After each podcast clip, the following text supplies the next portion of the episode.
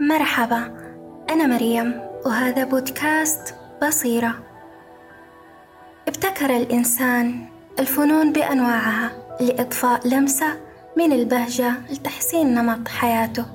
ومن هذه الفنون البصرية الساحرة الفن التشكيلي أو بالأحرى الرسم.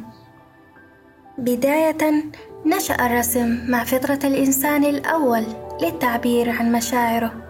وعن اللي يراه في محيطه. أحيانا كان إبداعي تخليد حدث سواء حرب أو رفاهية أو حتى رخاء.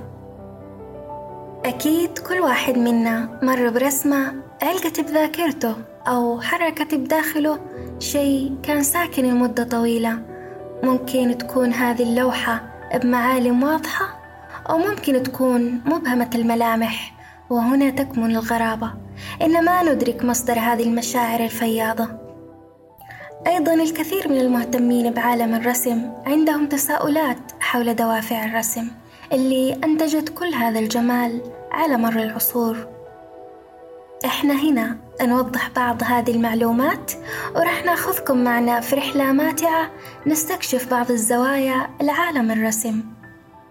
نحكي لكم عن الغموض اللي صاحب بعض اللوحات العالمية ونستعرض معكم بعض الحالات النفسية والإنسانية اللي اتضحت على هذه اللوحات وكانت مليئة بالمشاعر. وبالطبع أثارت الكثير من الجدل فتحدث عنها البعض وحللها البعض واقتنيت بمبالغ باهظة. إلى هنا نكون وصلنا للنهاية.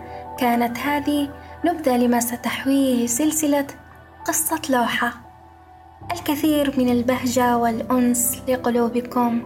إلى اللقاء.